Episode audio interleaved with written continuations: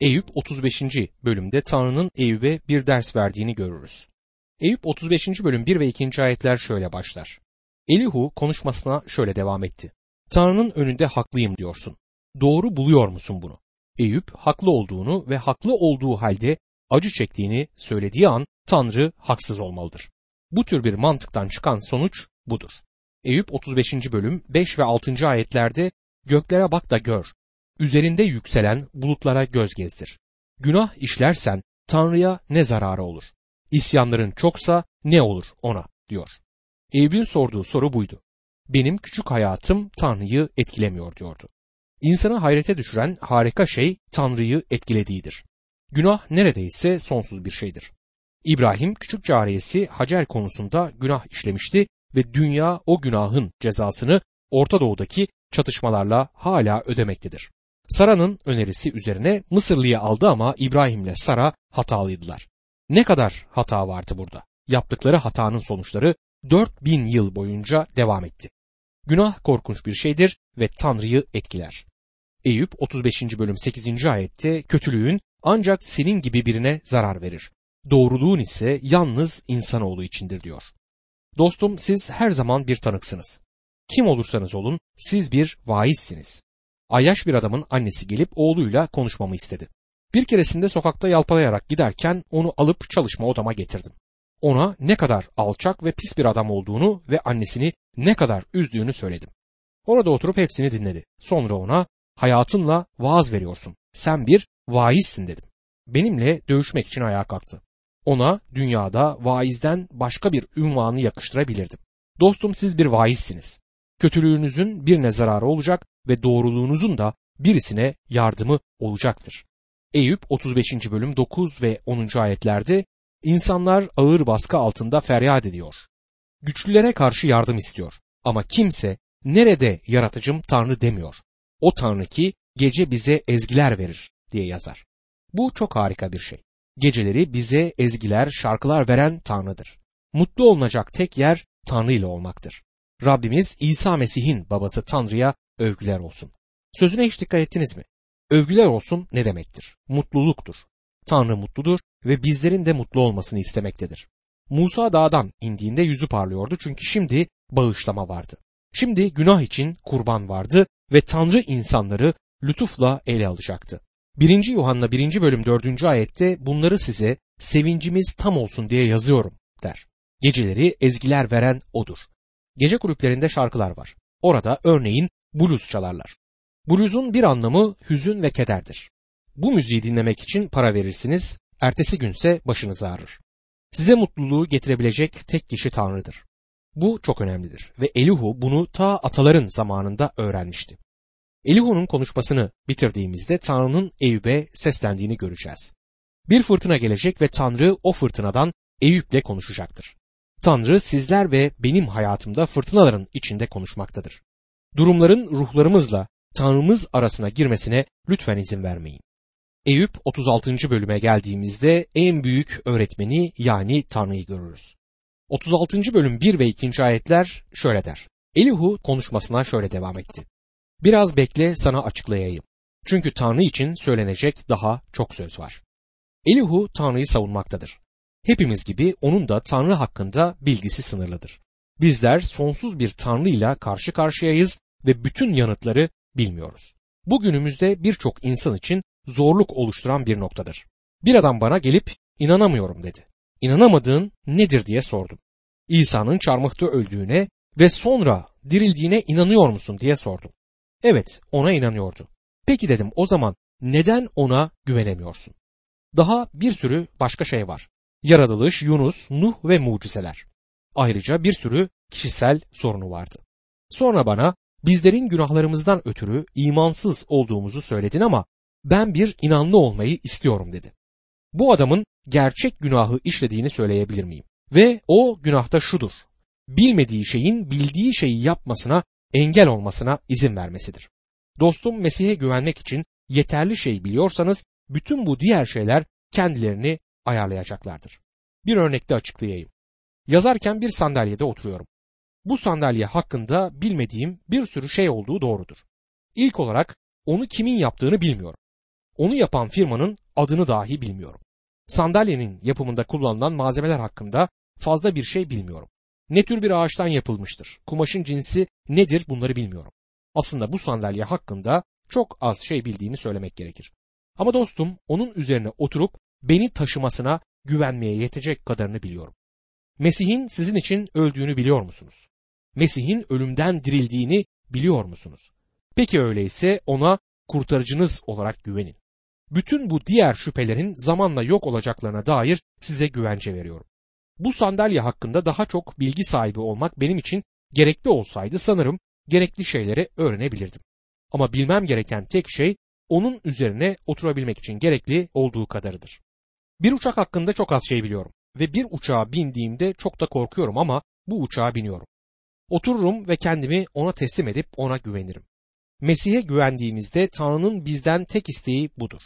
Fazlasıyla çok sayıda insan bilmediğimiz şeylerin bildiğimiz şeyleri rahatsız etmesine izin vermektedir. Elihu'nun bilgisi göreceğimiz gibi oldukça sınırlıdır. Eyüp 36. bölüm 3. ayette bilgimi geniş kaynaklardan toplayacağım. Yaratıcıma hak vereceğim der. Paulus da çok seneler sonra aynı şeyi söylemiştir. Tanrı'da adaletsizlik var mıdır diye sormuştu. Yaratı kesinlikle hayırdı. Elçi Paulus Tanrı olduğunu ve yaptığı her şeyde haklı ve adil olduğunu vurgulamaktadır. Elihu Tanrı'nın doğruluğunu dile getirdiği halde aynı zamanda Tanrı'nın insandan çok uzakta olduğunu, aslında insanın Tanrı'yı tanımadığını söylemekteydi. Bu arada şunu da söylemeliyim ki sözlerinde bir gerçek nokta vardır. Ama günümüzde bizleri Tanrı'dan ayıran nedir? Elihu'nun ne söylediğine dikkat edin.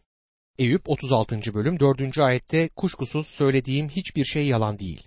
Karşında bilgide yetkin biri var diyor. Yani sadece Tanrı kusursuz bilgiye sahiptir demektedir. Eyüp 36. bölüm 5 ila 7. ayetlerde Tanrı güçlüdür ama kimseyi hor görmez. Güçlü ve amacında kararlı. Kötüleri yaşatmaz, ezilenin hakkını verir. Gözlerini doğru kişiden ayırmaz. Onu krallarla birlikte tahta oturtur. Sonsuza dek yükseltir diyor. Söylediklerini basitleştirmek istersek sadece Tanrı'nın bizden çok uzakta olduğunu söylemektedir. Tanrı bizden uzaktadır ve onunla iletişim kuramayız çünkü o bizden çok uzakta. Elihu bu konuda hatalıdır ve günümüzde birçok insan bu kavramlarında hatalı durumdadırlar. Yaşayanın insanları Tanrı'dan ayıranın ne olduğunu söylemesine bir bakın. Neden uzaklık değildir? Tanrı büyük, biz ise küçük olduğumuz için de değildir. Tanrı ölümsüz, bizler ölümlü olduğumuz için de değildir. Bakınız Yaşaya 59. bölüm 2. ayette ama suçlarınız sizi Tanrınızdan ayırdı. Günahlarınızdan ötürü onun yüzünü göremez, sesinizi işittiremez oldunuz diyor. Sözlerine onların durumlarını tanımlayarak devam eder. Yaşaya 59. bölüm 3 ve 4. ayetlerde. Çünkü elleriniz kanla, parmaklarınız suçla kirlendi. Dudaklarınız yalan söyledi. Diliniz kötülük mırıldanıyor. Adaletle dava açan, davasını dürüstçe savunan yok. Boş laflara güveniyor, yalan söylüyorlar. Fesada gebe kalıp kötülük doğuruyorlar diyor. Tanrı bizlere insanları Tanrı'dan ayıran şeylerin bunlar olduğunu söyler. Bugün sizler ve benim Tanrı'dan ayrılmamız için hiçbir neden yoktur. Günah sorunu sonsuza dek halledilmiştir. Tanrı ile insan arasında bir aracı vardır ve o da insan olan Mesih İsa'dır ve günümüzde onun aracılığıyla Tanrı'ya gidebiliriz. Eyüp'ün kalbinin özlemi birisinin kendisiyle Tanrı arasında bağlantı kurmasıydı. Elihu bunu yapmaya herkesten daha çok yaklaşmıştı ama bunu tam olarak başaramamıştı. Sonunda Tanrı'nın Eyüp'le konuşmasının nedeni buydu. Sonra Elihu Tanrı'nın büyük öğretmen olduğunu söyler. Eyüp 36. bölüm 22 ve 23. ayetlerde işte Tanrı gücüyle yükselir. Onun gibi öğretmen var mı? Kim ona ne yapması gerektiğini söyleyebilir? Kim ona haksızlık ettin diyebilir diye soruyor. Elihu Tanrı ile iletişim kuramayacağını düşünüyordu ama şunu da ekler. Kimse Tanrı gibi öğretemez. Bildiğiniz gibi Rab İsa Mesih bu dünyaya geldiğinde onu diğerlerinden ayıran özellik de buydu. O gelmiş geçmiş en iyi öğretmendi. Düşmanları bile kimse bu adam gibi konuşmamıştır dediler. Rab İsa'nın öğretisi dünyanın şimdiye kadar duymuş olduğu en büyük öğretidir. Günümüzde Rab İsa Mesih'i reddeden insanların hala onun öğretilerini kullanmaya çalışmaları tuhaftır. komşunuzu sevmekten söz ederler. Merhametten söz ederler. Sonra dağdaki vaazdan söz ederler. Plato ve Aristo akıllı çocuklar oldukları halde onların sözlerini yaymaya çalıştıklarını duymazsınız. Hayır, Rab İsa hala en büyük öğretmendir. Elihu onun gibi öğretmen var mı diye sorar. Ve Elihu sözlerini bitiriyor. Elihu 37. bölümde sözlerine son verir. Bu son bölümden sadece 3 ayetin altını çizmek isterim. Eyüp 37. bölüm 22 ila 24. ayetler arasında altın parıltısı geliyor kuzeyden. Tanrı korkunç görkeme bürünmüş. Her şeye gücü yetene biz ulaşamayız. Gücü yücedir. Adaleti ve eşsiz doğruluğuyla kimseyi ezmez. Bu yüzden insanlar ona saygı duyar. Çünkü o bilgeleri dikkate almaz diyor. Yine Tanrı'nın insandan çok uzak olduğunu ve bizlerin onunla iletişim kuramayacağımızı söylediğini görüyorsunuz. Tanrı çok yukarıdadır. Bizler de aşağılardayız. Ancak insanı Tanrı'dan ayırının Tanrı'nın büyüklüğü ve yüceliği olmadığını, insanın günahı olduğunu daha önce gördük. Bu bölüm Elihu'nun Eyüp için bir peygamber ya da bir aracı olamayacağını açık bir şekilde göstermektedir. Danışmanlık konusunda uzmanlığa girmememin nedenlerinden biri de budur. Doğruyu bilmek istiyorsanız bir danışman olmaya yetecek kadar şey bilmiyorum. Bir danışman rolünü üstlenen kişinin Tanrı'ya ait olan yerde oturduğuna inanıyorum. Eyüp'ün arkadaşları onun danışmanları olmaya çalıştılar. Bu adamın hayatında Tanrı'nın yerini almaya çalışıyorlardı. Sorunları kendi bilgilerinin yeterli olmayışıydı. Danışmanlığı olduğu şey olarak kabul etmeliyiz. Bir başka insanın deneyimleri ve bilgeliğinden kaynaklanır. Danışmanlıktaki sorun hiç kimsenin her şeyi bilmediğidir. Hiçbir danışman bütün gerçekleri bilemez ve gerekli olan bütün bilgeliğe sahip olamaz. Hasta olduğumda bir doktorumun olması benim için gereklidir. Ve bu doktorun en iyisini olmasını isterim. Ve böyle bir doktorum var. Onun sevdiğim yanı her şeyi bilmemesi ve her şeye gücünün yetmemesidir. Bana bilmiyorum demekten korkmuyor. İşte bundan hoşlanıyorum. Bu onu insan yapar. Kendini Tanrı'nın yerine koymuyor. İyi bir Mesih inanlısı ve Tanrı'ya hizmet etmeye çalışan bir kişi. Bu yüzden Tanrı'nın yerini ele geçirmeye çalışmıyor. Elihu neredeyse Tanrı'nın yerini almaya çalışmıştı.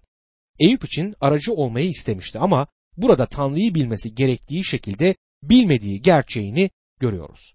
Tanrı'ya nasıl yaklaşması gerektiğini bilmiyor ve Tanrı'dan çok uzaktadır. Bu yüzden Tanrı'nın konuşması gerekmektedir. 22. ayette kısa bir hava raporu verdiği dikkatinizi çekecektir. Altın parıltısı yani iyi hava kuzeyden geliyor der. Sizce neden bunu söylemiş olabilir? Sanıyorum Elihu'nun konuşmasının büyük bir kısmı boyunca ufukta fırtına görünmekteydi. Hava kararmış ve fırtına yaklaşmaya başlamıştı. Herhalde rüzgar ıslık çalıyordu ve birkaç yağmur damlası düşmeye başlamıştı bile. Korkunç bir fırtına haline gelmişti ve insanlar kapalı yerlere kaçıyorlardı.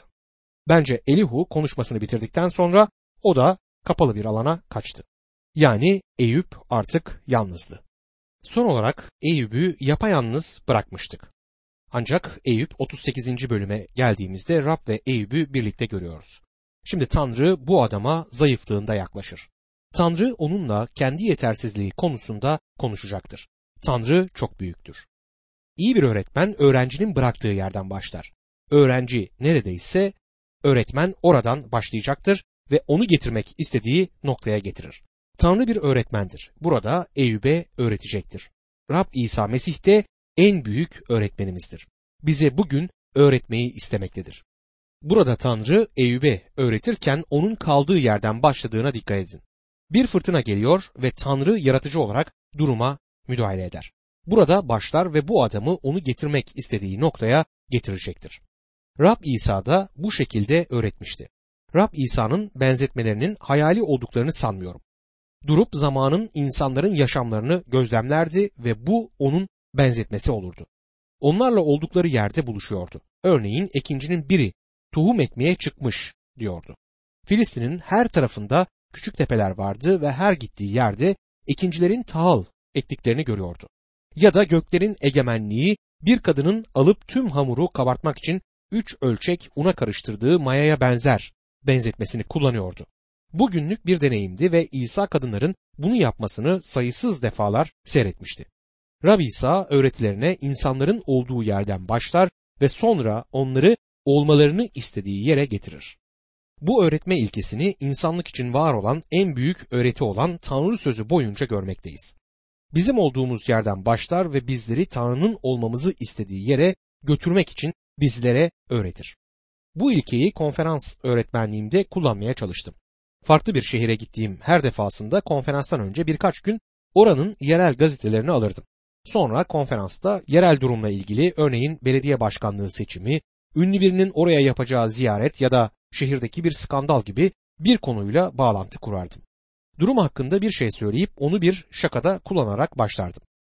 Neden mi? Çünkü burası o insanların yaşadığı yerdi. Böylece Tanrı'nın Eyüp'ün olduğu yerde ona hitap ettiğini görüyoruz. Kitabın bu bölümüne gelirken eğer şimdiye kadar kendimi yetersiz hissettiysem, şimdi ne söyleyeceğimi hiç bilemediğimi itiraf etmek isterim. Sadece sessiz olup kutsal kitabımı kapatmak istiyorum ama bunu yapamayız. Bu yüzden Tanrı'nın söylediklerini okuyacağız ve ben arada küçük birkaç yorum yapacağım. Şimdi Rab Eyüp'le konuşur.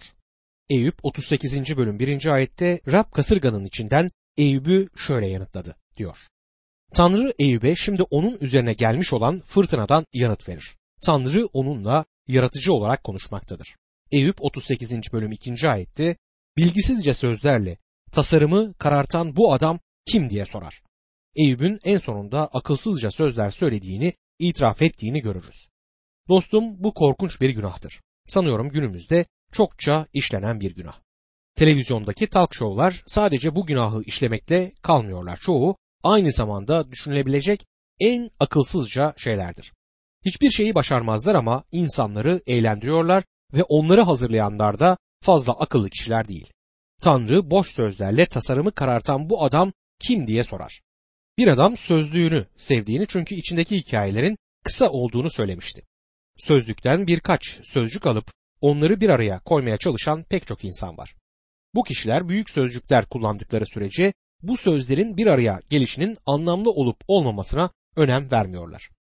Eyüp 38. bölüm 3 ve 4. ayetlerde şimdi erkek gibi kuşağını beline vur da ben sorayım sen anlat. Ben dünyanın temelini atarken sen neredeydin? Anlıyorsan söyle diyor. Her jeoloji kitabının baş sayfasına koydurtmak istediğim ayet budur. Ama bunu yapmama izin vermezler. Kitabın bir Mesih inanlısı tarafından yazılıp yazılmaması hiç fark etmez. Bence bu yapılmalıdır. Ben dünyanın temelini atarken sen neredeydin? Söyle eğer anlıyorsan. Bu arada siz neredeydiniz? Bu iyi bir sorudur. Bu evreni uzayda tutan nedir? Ve evren kıpırdamadan durmuyor. Sizler ve ben sabit olmaktan çok uzak küçük bir yeryüzünün üzerindeyiz. Altında onu tutmak için hiçbir şey yok. Evrenin altının neresi olduğu, neresinin aşağısı, neresinin yukarısı olduğunu bilmiyorum. Neden bir yöne doğru gitmeye başlamıyor onu da bilmiyorum. Neden sadece dönüp duruyor? Belki bunu milyonlarca yıldır yapmaktadır. Soru ben dünyanın temelini atarken sen neredeydin sorusudur. Bir kitapta okumuştum. Amerika'da bir jeolog bir dostunu Kuzey Arizona'da bir bayıra götürür. Dostu oranın bir bayır olduğunu sanıyor ama orası sadece kumdu. Orada neden kum biriktiğini bir türlü anlamamıştı. Kumları tekmeledi ve altından taşlaşmış bir kütük çıktı. Vay bu da nereden çıktı diye sordu. Jeolog Kaliforniya'dan der. Güzel ama buraya nasıl geldi diye sorar. Yanıtı basit der. Buraya sürüklenerek geldi. Eğer Arizona çölüne bakarsanız o kütüğü oraya getirecek bir suyun orada olduğunu düşünmek güçtür. Ama belki böyle olmuştur. O kütük Kaliforniya'dan sürüklenmiştir. Peki bu ne zaman oldu diye sorar arkadaşı. Bu jeolog da 250 bin yıl önce der. Arkadaşı ise şakayla karışık bir şekilde dostum o kütük buraya sürüklenerek geldiğinde sen de orada mıydın diye sorar.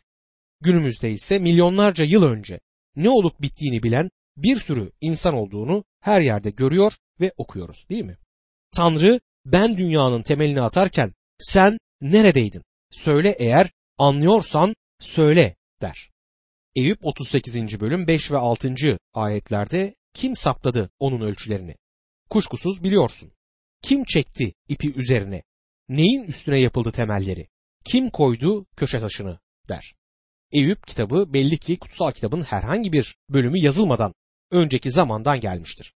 Tanrı Eyüp'ü o zamanki bütün insanları ele aldığı noktada ele almıştır.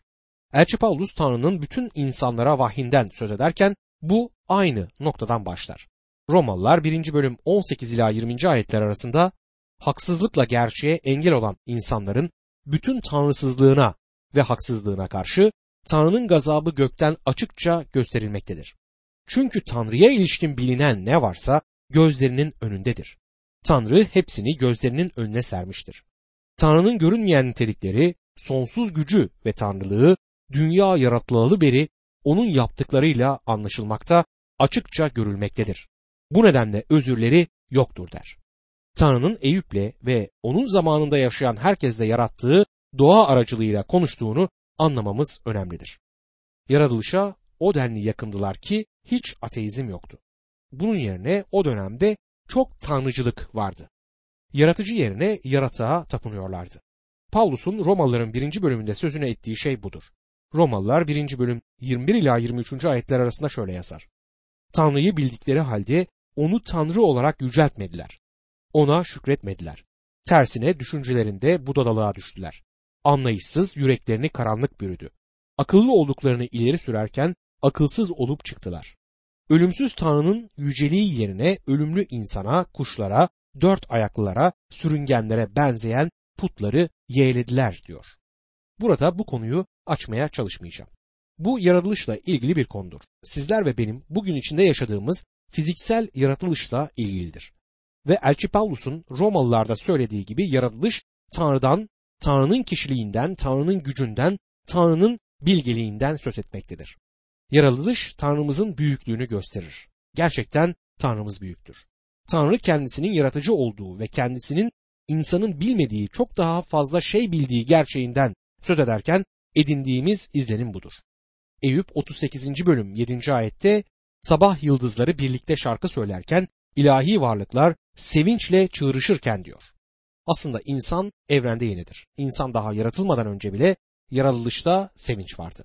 Dostum eğer onun çocuğuysanız yaşamınızda onun sevinci olacaktır. Tanrı sevincinizin olmasını ister. Rabbimiz İsa Mesih'in babasına Tanrı'ya övgüler olsun. Burada verilmek istenen düşünce mutluluktur. Tanrı mutludur. Tanrı sevinçlidir ve bizim de sevinç içerisinde olmamızı ister. Bugün payımıza düşenin Rabbin sevinci olduğunu umuyorum. Tanrı böyle olmasını istiyor.